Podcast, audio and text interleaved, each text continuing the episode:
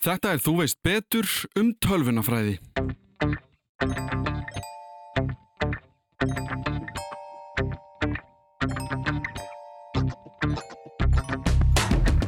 Hvað er það virkilega sem fólk hefur þörf fyrir?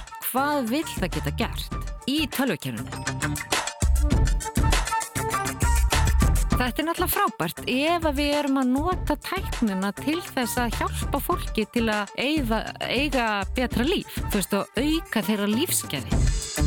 Nú á dögum er nánast ekki neitt sem er ekki búið að tölvuvæða. Við göngum um með snjallúr með snjallsíma í vasanum, sumhver kerandum á bílum sem eru að einhverju leiti tölvuvættir og þvóttavelinni farin að senda okkur SMS þegar að þvótturinn er tilbúin.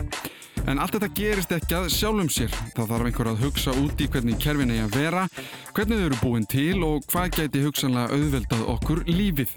Og þar kemur tölvunafræðin inn. Ég fekk Mörtu Kristínu Lárusdóttur, dósent við Háskólan í Reykjavík til að koma til mín og útskýra hvað er átt við þegar talað er um tölvunafræði. Eins og áður byrjum við á kynningu frá viðmælandarum sjálfum.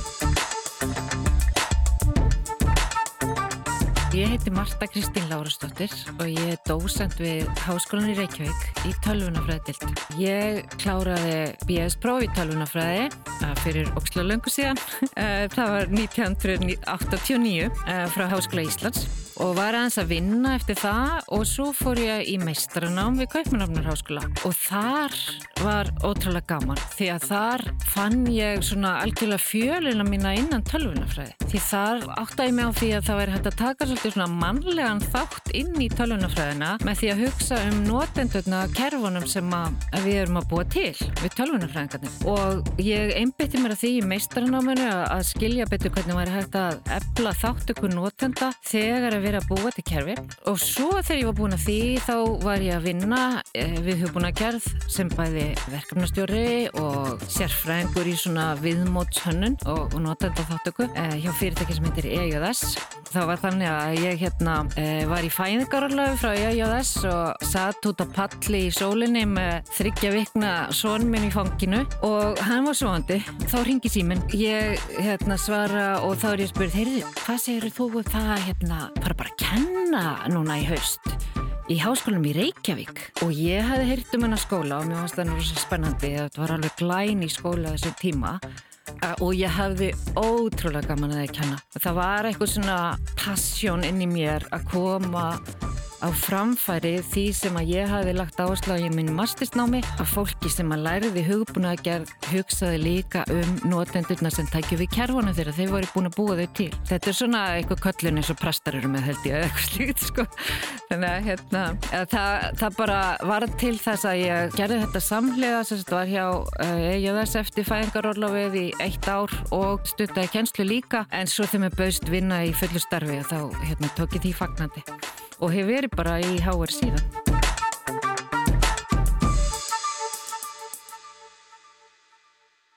Þegar ég var að undirbúa mig hérna fyrir þáttin þá var ég að skoða eins bara sögu hjá félagi sem heitir Skí sem héttaði Skísluteknifélag Íslands að þar eru þið með svona sögu hvernig tölfur komu til landsins og hvernig þetta svona gerðist hægt og bítandi þróun tölvutækninar hér á landi og þar kom fram að fyrsta tölvan kom til landsins uh, 1964. Það var allavega fyrsta tölvan sem kom til Háskóla Íslands og það er til myndir því þetta var alveg bara næstu eins og heil gámur þessi eina tölva mm.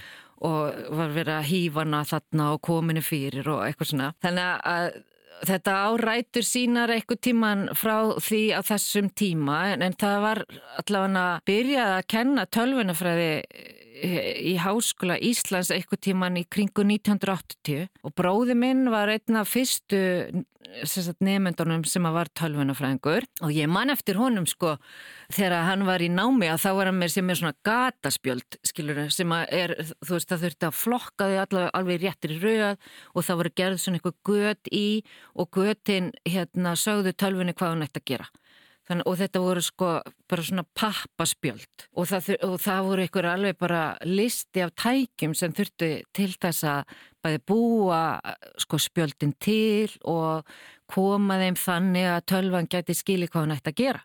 Þannig að þú veist, skipanir til tölvunar voru alveg ótrúlega floknar sko, það var ekkert bara svona eitt hérna einn stróka með fingrinum sko og manni finnst náttúrulega eiginlega ok, þetta er næstu í 40 ár en samt sem áður það er ekkit eitthvað svona gríðalega langa tími, þetta er næstu í þetta hljómaðs þetta séu 150 ár sko. Þannig að þú veist þetta hefur geist alveg áfram þessi, þessi hérna, þróun hér á landi. En sko það sem við meinum með tölvunafræði það, og það sem við erum að kenna í háar innan tölvunafræðinar það er að geta búið til tölvukerfi sem að tölvan þá keirir og maður getur þá forritað eða sagt, búið þau til þannig að fólk eða önnur kerfi getur gefið skipanir um hvað tölvan á að gera og svona megin markmið með öllum tölvukerfum er að gera fólki lífið auðveldra. Það er bara það sem við erum að vinna að og, og ég finnst alltaf svolítið gaman að ég að byggja nefndu mín að segja mér býtu akkur eru því tölvunafræði einstakar segja bara til að græða penning en, en mörg segja þú veist að því ég vil hjálpa fólki að gera hlutina á auðveldari hátt.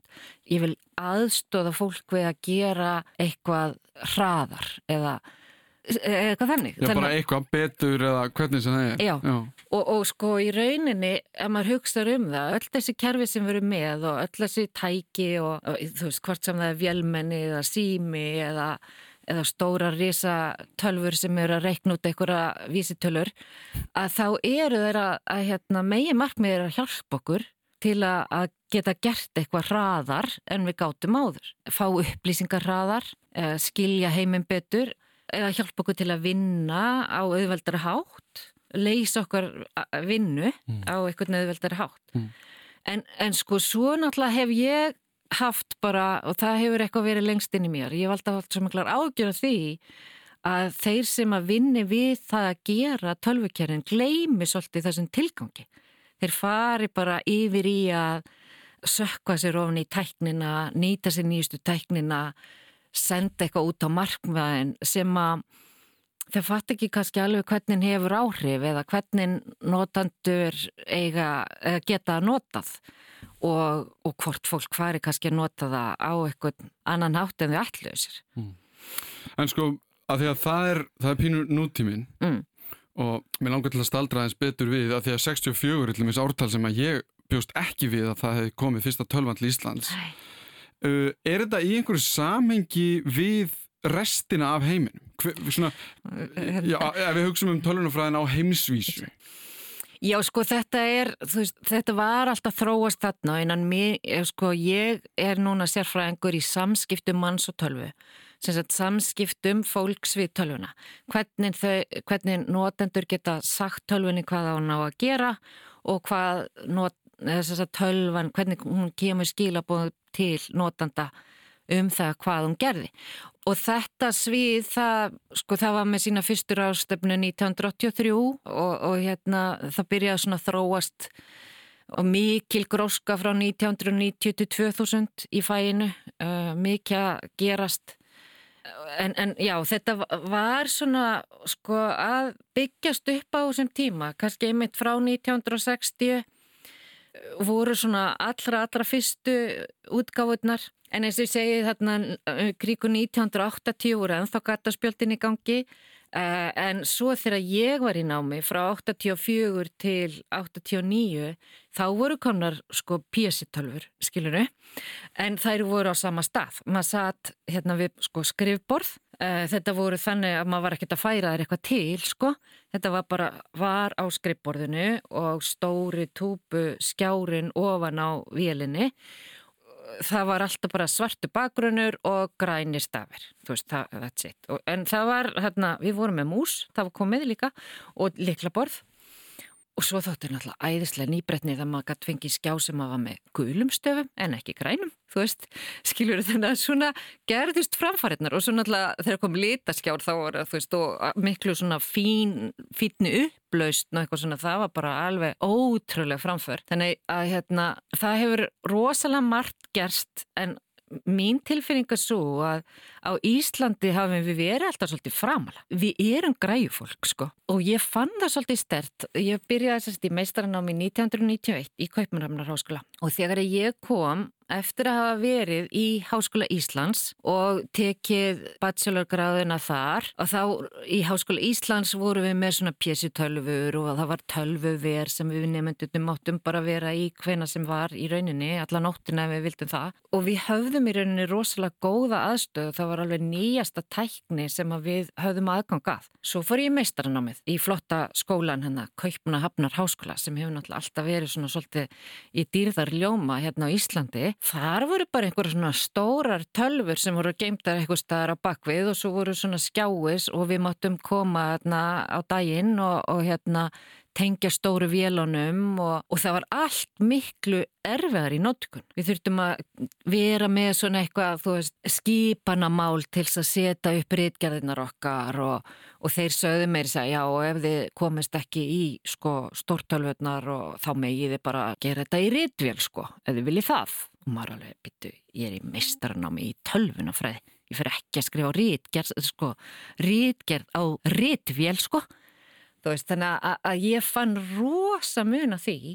Við vorum svo sko framalega í að nýta okkur nýjastu tækni, nýjasta búnaðinn hér á landi miða við kaupmanum og sko þeir höfðu eina pjessutölvu, þannig að í öllum tölvunafræði deiltinni í, í kaupmanafnarskóla og hún var læst inni sko en ég var svo hérna, ákveðin að ég bara sagðist þurfa líkil að þessar herbyrgi og, og fekk það. Þannig að ég gætt fengið aðgang að pjessitölunni í, í Kaupanarfnarhúsula mm. En sko að því að, að því að þetta er 64 en það hafa verið kvikmyndir núna undanfærin ár sem snúast um sko þessar setni heimstyrjaldar hvað maður að segja sko þetta, þetta fólk í setni heimstyrjaldinni sem var að reyna að leysa dullkóðun Alan Turing mm. uh, til dæmis en nafn sem maður hefur heyrt oft ja.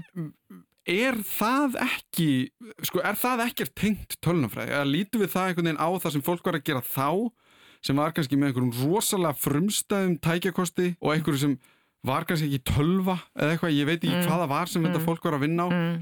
Var það ekki eins með tölunafræðina að það var, þjóðir voru að endalust að vinna í þessu og þá einhvern veginn var alltaf, heyrðu við þurfum þetta, við þurfum meiri tekni og eins og Alan Turing og, og þetta fólk Jú, jú, sko, þú veist, þessi tölva sem kemur þarna til landsins 1964, hún kemur ekkert upp úr bara engu skilur, þú veist, þetta er alltaf einhver rosa þróun. Ég náttúrulega sé þetta kannski svolítið út frá sjálfur ég mér, að þú veist, ég var í tölvunafræðinni í Há, Háskóla Íslands frá 84 til 89 og á þeim tíma bara gerðist rosalega mikið í, því, í framþróninni á því hversu auðvelt var að nota tölvurnar og hvernig það er bara virkuð á mann. Veist, og það kom til dæmis þá fyrsta fartölvan en hún var svona bara svona eins og einhver trölla saumavél. Ég gæti eila á alla haldið á henni, hún var svo þung og mm. þetta var svona stort og mikið flikki þannig að maður var alveg svona, já þetta er kannski svolítið rángnefna að kalla þetta fartölvu Og, og það var svona pingulítill skjár, hann var kannski sko 10 cm sinnum 15 eða eitthvað þannig, þú veist það var bara, maður valla sá neitt á þetta. Þannig að það þarf alltaf einhverja frum útgáfu og svo kemur hérna endurgjöf og það og svo er það lagað og svona. En það gerðist mjög mikið og það er alveg rétt hjá þér eins og verður að tala um að það er fullt af kvikmyndum um svona einhverja framþróðan og gaman að horfa aðna myndina til dæmis um Steve Jobs þar sem er verið að sína þegar þeir voru að gera fyrstu tölvurnar og þær voru bara einhver svona spjöld sem þeir ætlaði að selja til almennings og svo föttuðu það alveg já ok, þetta er kannski pínu nördalagt, ég menna almenningu getur kannski ekki alveg fatta hvernig það var nota eitthvað bara svona eitthvað spjald, við þurfum kannski að pakka svo aðeins meira inn sko og það er bara svona aha moment þegar þið fatta það en að í þessari kvikmynd. Það, það gerist allt stegast í þetta gerist ekki bara út af engu. Hérna, við erum alltaf að byggja á gamalli þekkingu. En mér fannst sko hlutinni gerast rosalega hrattarna kannski frá 8-10 til 2000 en svo má líka svo sem segja frá 2000 og til núna hefur gerst líka alveg gríðarlega mikið. Ég menna neti náttúrulega breytti öllu, það var eiginlega ekki komið mikil eh, sko notkun á internetið 94 þegar ég var í meistranámi í kaupunum og, og þá var þetta auðvitað þannig að þú veist, ég og maðurum við skrifuðum bref til hvers annars en við skrifum þau í tölfunni, pjessitölfunni og prentum út og sendum, skiluru en það, við vorum ekki að senda það beint með tölvuposti sko. Og, og svo tölum við saman í síma og maður alveg bara, þú veist, var, gaf sér svona 5-10 myndur á viku að tala saman, að það var svo dýrt sko, ég menna það var ekkert Skype og allt þetta dót, skiluru, þú veist, þetta er bara hímin og haf hvað, hvað hlutirnir hafa breyst á þessum 20 ára. Mætti segja það því það er nú kannski vinsalt í tölunafræði þannig þróun? Af því þú talar um áðan og ef við segjum bara 80 Já. þar sem við förum að tala um tölvunafræði fyrir mm. alvöru Já, Þetta eru bara 40 ár En það hefur, þú veist, en, en mann líður eins og þú sagði sko þetta sé, þetta sé einhvern veginn langur tími en samt er þetta ekkert langur tími fyrir svona ótrúlega mikið af hlutum til að gerast Já, mér finnst, sko þegar ég horfið tilbaka að þá finnst mér þetta algjörlega með ólíkindum hvað það hefur breyst mikið á þessum 40 ára. Þú veist, e, eins og segi, ég man eftir bróðum mínum hanna í kringu 1980 þegar hann var í tölvunafræði, einn af fyrstu nefnundum sem útskrifuðust sem tölvunafræðingar á Íslandi. Og, og þú veist, mér finnst þetta bara algjörlega magnað hvað allt hefur breyst og, og stundum gleymum við þess að þetta er orðið okkur svo eiginlegt en maður þarf eiginlega svona svolítið að rifja það upp. Já, byttu við gátum ekki þú veist, leita á netinu. Og ég var bara til dæmis um daginn þú veist, þá fórum við maðurinn minn í hérna fjallgangu upp á Úlvarsfelli og komið tilbaka og þá var batteri búið á hérna liklinum fyrir bílinn. Og við komumst ekki inn í bílinn. Og við alveg bara, já ok, við googlum bara hvernig ná að nota hann. Og svo tvei minútur setna vorum við búin að finna YouTube myndband um það hvernig nætti að nota leikinni manjóli eða þú veist, hérna Handvirt Handvirt, já.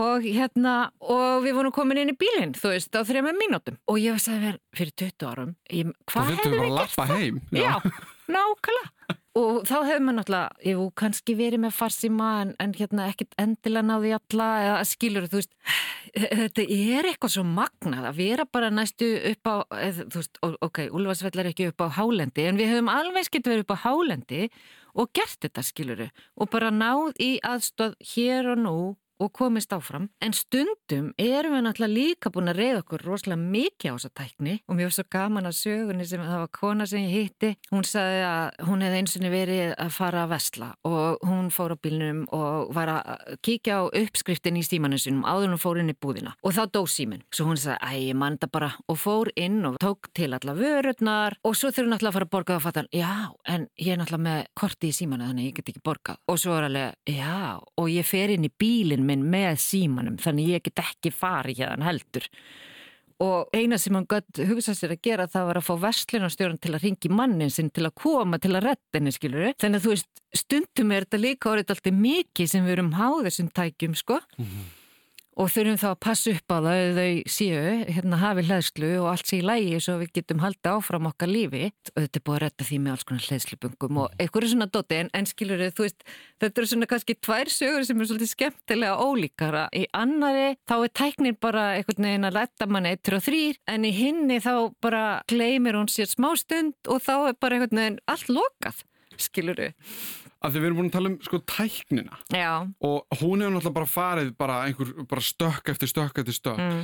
en af því að þú talar um að bróðin byrjar aðna 80 þannig að þið eru með, ég meina það er frekar merkjöld að þið eru næstu frá byrjun að við byrjum að tala um tölvunarfræði og, og þá getur daginn í dag Já. og þá hafið þið verið í þessu. Ég meina þegar þú fórst í tölvunarfræði árið 1980 eða 1984 hvað varst að fara að læra, hvað varst að fara að gera? Að því í dag hugsa fólk bara app eða websíður eða hérna hinga og þangað eða hérna tölvukerfi eða hvernig sem það er en á þess að, að vilja hljóma dónulegur en af hverju var maður að fara í tölvunafræði þarna? Hvað var maður að gera? Já, sko, hérna þetta er mjög skemmtilega spurning. Það var meir sig að hérna kona sem að var að læra félagsfræði hún vildi endilega einbytta sér í sínu lokaverkefni að því að, að skilja af hverju konur hefðu valið sér þetta sérstaklega og, og hérna fekk að koma til okkar við erum svona hópur af, af konum sem að vorum að þessu upp um tíma sem höldum að þá saman hann langaði svo til að fá að hitta okkur með til að skilja þetta. Og það var svolítið mismunandi sem að voru svörin frá okkur konunum. En ég er kannski svona svolítið svona systematísk eða svona kervis með svolítið svona, já, kervis hugsun að ég hefði svona lagt þetta allt svolítið niður fyrir mig og greint þetta. Og þær voru alltaf hins þær voru alveg, já, alveg Marta, varst að hugsa allt þetta? Þannig að þær virtust hafa svona svolítið bara hugsaði, já, þetta er eitthvað nýtt. Hérna, pró, ég prófa það bara. Ég, mér gengur verið í starfræði, ég prófa það. En ég hefði hugsað svolítið já, mér langar, mér langar til að uh, læra eitthvað þar sem að er það sem að ég get unnið hvar sem er í heiminum. Og ég er eiginlega alveg vissum að þetta fag verið þannig, það eru forutuna málin eru alþjóðleg, það er ekki eitthvað eitt forutuna mál á Íslandi eitthvað annað annar staðar, þannig ef að ég læri að vera tölvunafræðingur þá get ég unnið út um allan heim Við hvað þá? Já, nákvæmlega, við hvað? Ég sá alltaf fyrir mér að, að búa til tölvkerfi, að þetta að hjálpa fólki að, já, auðvelda fólki þeirra vinnu. Það, það var nú alveg... fyrirtæki þá, eða, eða svona... Já, kannski það, sko, að búa til, þú veist, kannski sá maður fyrir sér helst svona eitthvað bókalskerfi, eitthvað útrekninga á þessum tíma, skiluru. Ég hafði tekið eitthvað eitt námskeið í svona, ég man ekki hvort það var að kalla tölvunafræði, en það var eitthvað tölvu tengt allavega, það var forrutun kannski að kalla það eitthvað svo les í mentaskóla mentaskóla og ég átti mjög öðvöld með starfræði og, það, og ég hugsaði bara, já, þetta er sniðt. En svo, hérna, það að búa til svona tölvukerfi gæti verið skemmtilega notkun á þessari raukugsun og þessum hæfileika mínum að ganga vel í, í raungrinu. Mm. En hérna, ég held að það hafi líka hjálpað mig mikið að bróðum minn var búin að fara í gegnum námið að ég sá svona, þú veist, að hann var að gera spennandi hluti, gera spennandi verkefni í háskólanum. Hann að Ég hugsa að það, hann var svona svolítið brautriðandi. Kanski hef ég ekki haft eins mikla dekking á því hvað það værið ef hann hef ekki farið í gegnum þetta. En hvernig hefur það breyst? Því við tökum tæknina. Mm. Hvernig hefur tölvunafræði breyst frá því hún var í byrjun? Já, sko í byrjun að þá, ég er náttúrulega búin að tala doldið mikið um það að tækin hafa breyst, sem sagt aðstæðnar, þú veist, þú varst fyrst bara einn notandi að nota tölvu sem var á sama stað, þannig þú þurftur alltaf að setjast niður á sama stað með sama skjáin og all tækin eins. E, og en núna erum við út um allt og fólkið sem er að nota þessi tæki, sko, bæði hafa þau breyst rosa mikið. Við erum með hugbúnaðin sem að tölvunarfæringar eru að búa til. Við erum með það í símónum, við erum með það í ískopunum þess vegna inn í, í bílunum, í, í fartölvunum náttúrulega og ennþá í svona einhverjum tölvum sem eru á sama stað. En það er orðið miklu, miklu minna um þær tölvur. Fjölbreytileikin hefur breyst alveg rosalega varðandi tækin, líka varðandi fólki sem er að nota þetta. Ég meina þú veist það er eiginlega að tala um að bara krakkar alveg frá fæðingu séu eiginlega að nota tölvutækni þú veist næstu því. Þau eru komin með símana þú veist bara þannig hérna allavega einstafsaldi. Skilur þau? Það er mun fleiri tveggjára sem kunna hérna hvað sem er svæpa og hérna opna og loka einhverjum öppum heldur en voru fyrir sko fimm árum eða tíu árum. Nákvæmlega. Og þetta var ekki hugsunin þegar ég var að byrja í tölvunafræði. Ég hugsa þetta meira, veist, að búa til kerfi, hjálpa til við að búa til tölvukerfi sem myndu kannski reikna eitthvað út á fljótari hátt eða já, hjálpa okkur einhvern veginn í vinnunni. En ég var samt strax með þessa hugsun að þetta væri sniðum mentun af því að ég geti líka búið Erlendis og unnið þar og ég sá alveg fyrir mér að, að þessi vinna er þið ábyggilega þannig að maður gæti verið svolítið frjáls. Þú veist, maður gæti ábyggilega unni hvena sem er dagsins, haft svona svolítið vinnutíma þegar mann er sjálf um hendaði og mér fannst það líka hillandi. Þannig að þessi sveianleggi, uh, ég var svona svolítið hilluð að því varðandi starfið. Ég var erfitt með að sjá fyrir mér að vera í starfið þar sem er búið að bóka mig í hálftíma slott allan daginn. Mér ég þarf langa tíma í hlutina og svona og það, það fannst mér heitlandi við tölvunafræðina. Það sem ég sá ekki fyrir mér var það að maður gæti verið á Íslandi að vinna með einhverjum út í heimi. Þú veist, ég held alltaf að ég þurfti þá að fara og búa Erlendis til þess að geta unni við þetta. Þannig ég var ekki búin átt um að því að tækni myndi hjálpa mig líka til að vinna með fólki út um allan heim en verandi á Íslandi, skiluru. Þannig að maður hefur svona kannski einhverja aðeins insýn en svo fattar maður ekki sko svo margt annað sem að eh, tæknin hefur líka gefið okkur. Og að maður geti verið að, þú veist, vinna í flugvél á leiðinni út til útlanda til að vinna með einhver fólki. Það var heldur ekki inn í myndinni sko. En það, þetta, þú veist, hefur náttúrulega farið bara fram úr, já, manns viltustu draumi meila. Það komir tölvert á óvart hversu snemma Háskóli Íslands fekk til sín tölvu. Ég bjóst einhvern veginn við því að það hefði verið mun setna en 1964. Svo árið 1980 er farið að kenna tölvunafræði og það hugtak orðið eitthvað sem að fólk áttaði sig á að myndi kannski skipta freka miklu máli í framtíðinni. Á síðustu 40 árum hefur svo orðið hvert risastökkið á fætur öðru og bara á þessum stuttatíma hefur nánast allt breyst. En tölvunafræði og forritun er það eini og sami hluturinn og hvað er kent í tölvunafræði nútímans?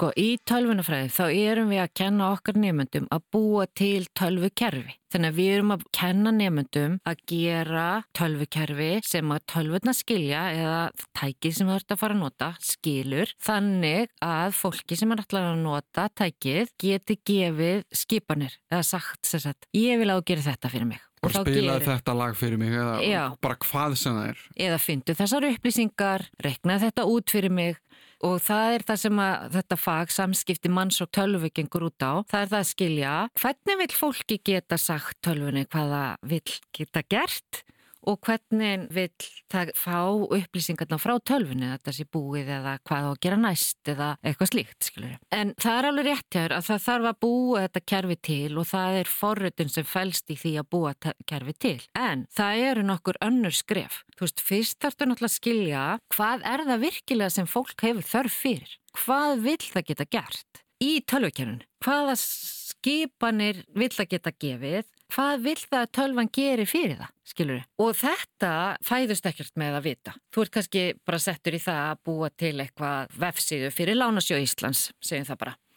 Þá þurftu fyrst að fara að spyrja, ok, og hvaða fólk er þá að fara að nota þessa vefsíðu? Það eru vantala nefnundur, sem er í námi, það er kannski fólk sem er búið í námi, skilur þannig að þá fyrir, og hvað það það geta gert? Það vil væntala sækjum námslán, skilur þannig að öll þessi pæling, hverjir eru það sem ætla sér að nota tölvikerfið, hvaða hópar eru það? Hvaða þarfir hefur hver og einn hópur, þú þart enga forritun í það, skilur, þú þart að tala við fólk og þú þart að skilja hvaða þarf á að halda Og þetta er kvölduð bara greining, þarfa greining, já, alveg rétt hjá þér. Svo þegar maður er orðin svona svolítið komið með skilning á því og þess er þetta lýs á ímsennhátt, annarkvært að setja upp lista yfir uh, þarfinnar eða kröfunnar uh, eða setja þetta fram sem námsmaður á Íslandi vilja geta sótt um námslán.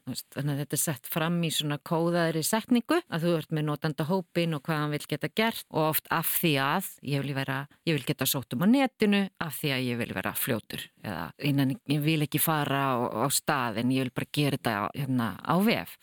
Þannig að það er svona alveg kóðaðar setningar sem að setja fram þarfinnar. Svo ert komið þær, þá þetta að fara að teikna upp, já ok, og hvernig nátt að þá að líta út í törfikerfinu. Þannig að það er þá hönnunin, skilur við á því hvernig allt Eh, þetta verður hérna lítur Bara viðmótið sem tekur á móti nótandunum Nákvæmlega, hvernig er það? Hvað, hvað á að standa þarna? Hvaða svæði, hvað þarf hann að geta hvaða upplýsingar þarf hann að geta sett inn? Hvaða takka þarf hann að geta ítt á? Hvað þarf svo að gerast? Hvað á svo að byrtast öll þessi hugsun, hún er kallu hönnun og það er, hana, það er bæði viðmótshönnun og svo hönnun á kerfinu sjálfu hvernig ætlar svo að geima gögnin í gagnagruninum hvaða öryggiskröfur verða, þú veist, alls konar svona þættir sem eru svona koma inn í kannski þennan, þennan hönnunafasa. Nú þegar er búið að gera þetta, þá er hægt að byrja að forrita það sem þú varst búin að hanna, skilur þið. Og svo þarf að prófa þetta líka, til þess að aðtöða hvort að þú hafið skilja allt rétt og hvort að notendurni skilji hvernig þeir eigi að nota þetta og hvort, hvort þetta er auðvelt fyrir þá að nota kerfið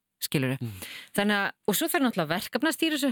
Þetta er kannski eitthvað alveg fleiri þúsund tíma verkefni að búa til eitt tölvukerfi og það koma svo sem margir aðilar að því og þú þarfst að ákveða hver og að gera hvað og eitthvað svona. Þannig að það eru margir sem að starf og eru kannski mentaði tölvinafræðingar sem hafa ekki förröytaði mörg ár, skiluru. Þeir eru þá kannski í, einmitt, greiningu, hönnun, verkefnastjórnun, prófunum eða eitthvað slíku.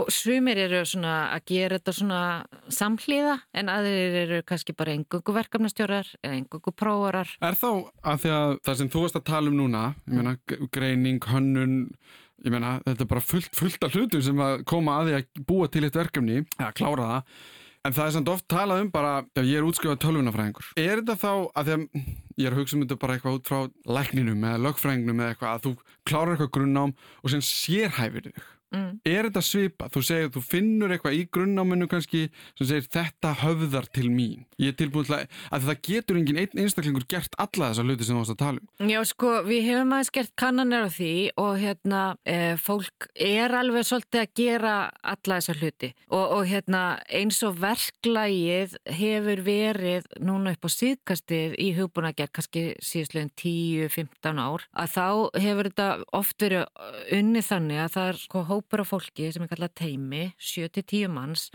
sem vinna að einhverju ákveðnu, einhverju ákveðnu virkni sem bara tökum, ef við tökum lánasjöðun áfram núna aftur sem dæmi, að þá búið að segjum, já við verðum að gera þetta umsóknarferli, við ætlum að gera það bara, við vinnum að því næstu tvær vikur og við bara byrjum á því að teikna upp á pappir, hvernig þetta mun líta út, hvaða skref þetta eru, hvaða örgiskröfu þarf að gera, hvernig þetta hérna, verður geimt allar upplýsingarnar. Tökum þetta bara fyrir og teiknum þetta allt upp, eh, forröndum þetta, prófum þetta og skilum þessu af okkur eftir tvær vikur. Þannig að þú veist, teimið er að vinna að einhverju ákveðnu, ákveðnu virkni í tvær vikur klárar það og sendir það jæfnvel út til bara notandana og svo tekur það næst eitthvað annað fyrir útrekninga á lánum eða e, yfirleitt yfir stöðuna eða, eða ég veit ekki hvað skiluru og í þessu verklagi að þá er bara hópurinn sam ábyrgu fyrir því að allt klárist. Þannig þú ert svolítið að fara á milli.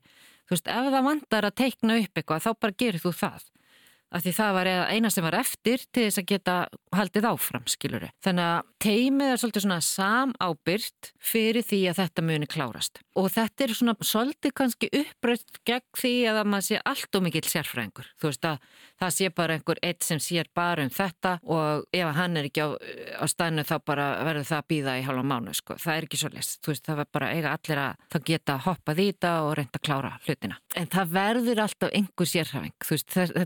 Svolítið kannski, já, utopía að ætla að halda að þetta gangi engungu, þannig að fólk sérhæfi sér svolítið, en, en það er samt svolítið reynd að halda í þessa hugsun að koma sér frá sér sem sam, sameilett teimi eða eitt teimi.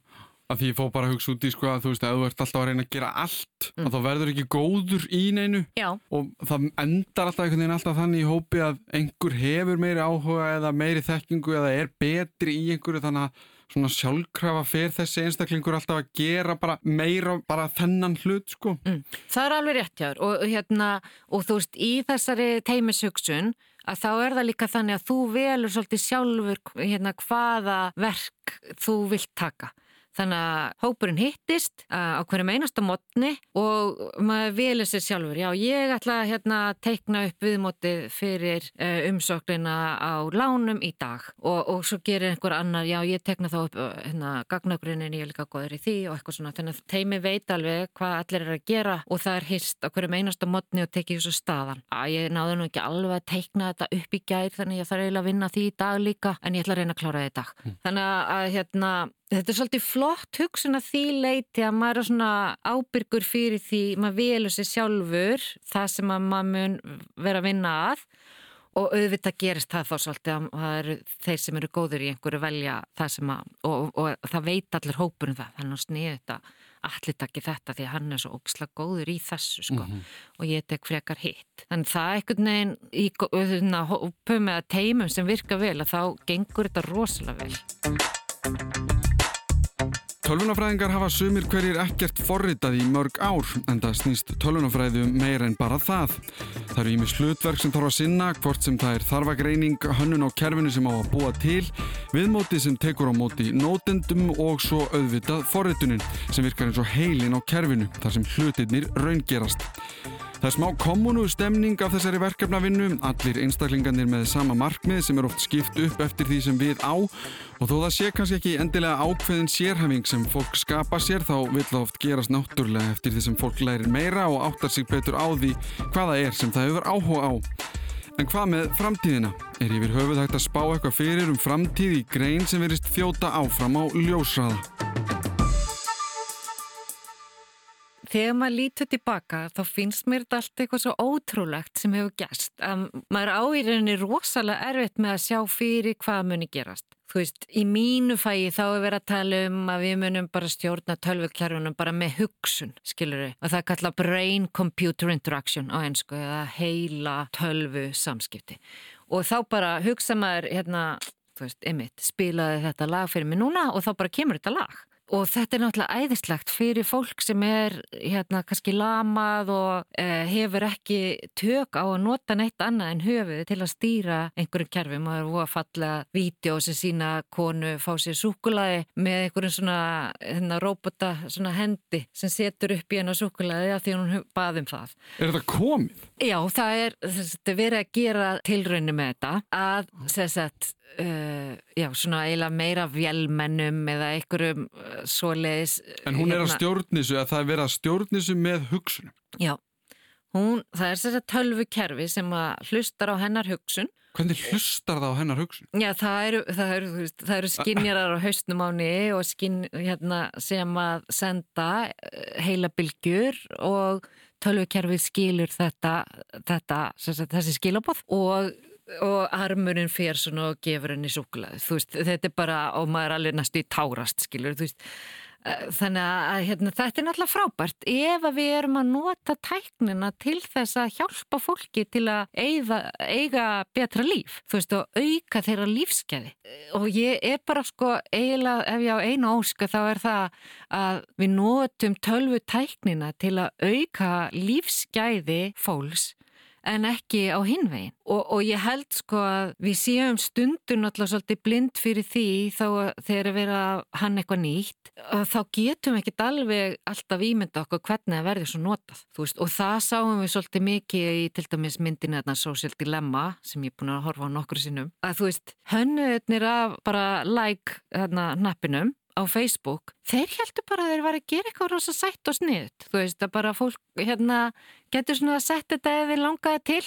En þeir fattu ekki að það væri hægt að gera svona like. Myndi virka þannig á, á úrlinga þau væri kvínari og ymmislegt skiluru og það bara þeirra kannski áttu þessi ekki á fíkni hliðinni til þess að á likeum Nákalla, skilur þeir heldur bara þeir var að gera eitthvað sætt og snutt og þeir segja það í myndinni. Og, og þú veist, og sama er með gamla dæmi um Excel, skilur þannig að byggu bara til eitthvað svona kerfi sem átt að reikna út tölur, skilur í svona dálkum, sko, og það voru línur og dálkar og eitthvað, og svo er þetta að nota þú veist, þess vegna til að hana viðmót og til að, þú veist, setja upp skipulag á stórum verkefnum í verkefnastjórnunarferlum og og komið svolítið langt, langt, langt út fyrir það sem að fólki sem átti hugmyndina hafiði ímynda sér, skilur þau. Og, og þetta finnst mér, að maður er kannski áriðin aðeins svo gammal, ég er 57 ára, að mér finnst sko einhvern veginn að þetta vera svolítið þannig að við, hérna, já við vitum ekkert alveg og getum eiginlega kannski ekki alveg ímynda okkur hvert allt þetta leiðir okkur. En ég bara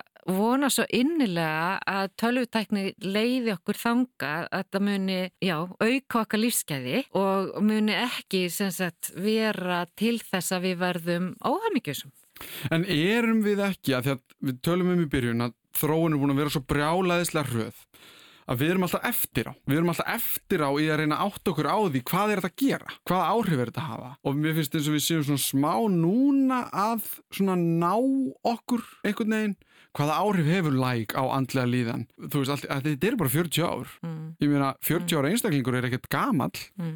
en sá einstaklingur getur verið búin að vera frá upphafið tölunafræðin ánast og fram til dagsins í dag það sem ég kannski pæla er uh, af því að það sem þú talar um með heila örgjörfan eða hvað sem þetta er sem þetta endar í þú veist, að við séum bara einhvern lítinn örgjörfa bara inn í heilanum á okkur hljómar eins og eitthvað stórkastlegt fyrirbæri líka en það hljómar einnig eins og hræðilegur hlutur af því að við vitum nú þegar að það er fólk að hakka sér inn á tölvunar okkar það er að hakka sér inn á ískápana, það er að hakka sér inn á allt nánast sem er nettengt og að það verist vera þannig að ef að einhver aðlið sem er nógu fær í þessu öllu saman, þá kemst hann þangað sem hann vill og það bara er þannig þá hljómar mjög illa að vera með örgjörfa sem er mögulega 5G tengdur inn í heilanum á okkur. Erum við ekki byrjað átt okkur á sko hættunni líka og hvað það sem við erum að gera sem að stjórna náttúrulega öll í lífa okkar hefur líka áhrif á aðra hluti heldur en bara, herru, gerum bara lægtaka, það er bara óslægt skemmtilegt og sniðið.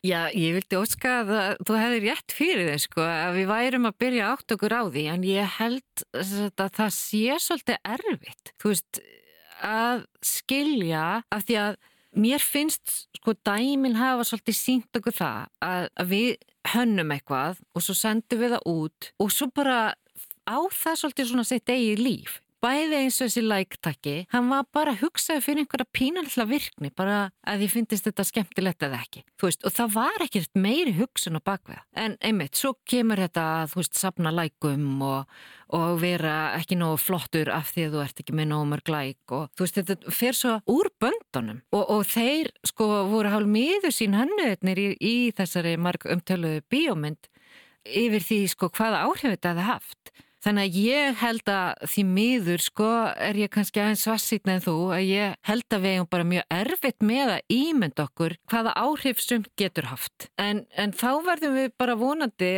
höfum við gæfi til þess að snúa svolítið við blaðinu og reyna þá að breyta okkar hegðun eða þú veist þess að taka bara út hérna, eins og lægtakkan ég meina það er byrjað. Já, mm. skilur þau þannig að þú veist að læra þá af reynslunni. Og, og ég vona líka að við séum svolítið með þess að því það kom líka svolítið fram sko og, og að, að hérna sumir af þessum mönnum sem voru að tala um þessa þróun hérna í Social Dilemma kvikmyndinni þeir töluðum að, að fyrir svona einhverjum tíu ára síðan að þá var þessi hugsun í gangi að við værum að reyna að gera eitthvað sem að hjálpaði fólki og væri til þess að auka þeirra lífskeiði. En það væri ekki lengur þannig. Það væri orðið meira stjórnað af svona bara einhverjum peningasjónamiðum og reyna að halda okkur lengi inni til að selja auglýsingar, gera okkur háð þessu. Þá erum við orðin svolítið vond, skiluru. Þá erum við ekki að hjálpa eða reyna að auka lífskeiði fólks heldur erum við bara að reyna að, að græða pening. Og ég bara vona að við áttum okkur nógu snemma til þess að geta stoppa svo leiðis af og að við nýtum okkur alla þessa tekna sem við höfum til þess að auðvelda okkur lífið en ekki til að gera okkur það erfiðara. En ég held að sá sem hannar eitthvað ákveðið, hann á ekkit alveg auðvöld með að vita það. Ég held að flestir séu svona kannski með þá hugsun að þeir vilji auðvelda og þeir síu að gera gott. En það er ekki þeim að kenna ef þetta verður svo til íls þeir bara vissi ekki betur. Tölvunafræði hefur þróast á svo óurlega miklum hraða að það er kannski erfitt að átta sig á því hvað af því sem hefur orðið til er í raun ekkert svo gott fyrir okkur. Þó það hafi bara verið sniðu hugmynd til að byrja með eins og til dæmis like-takkin sem við tekjum nú öll En þá er bara vonað grunn hugmyndin með tölvunafræðina svo að við séum að reyna að bæta heiminn í kringum okkur og fyrir fólki sem í honum býr en ekki bara að reyna að græða sem mestan pening verði ofan á. Sem er líklegast bara eitthvað sem eftir að koma í ljós. Ég vil þakka Mörtu Kristínu, dósend við Háskólan í Reykjavík kærlega fyrir komuna og fyrir að útskýra þetta fyrir okkur og þakkum leið fyrir mig. Ef það er einhverjar spurningar er hægt að senda posta á allimara.ru.is en þá var það ekki meira í byli. Þetta var Þú veist betur um tölvunafræði.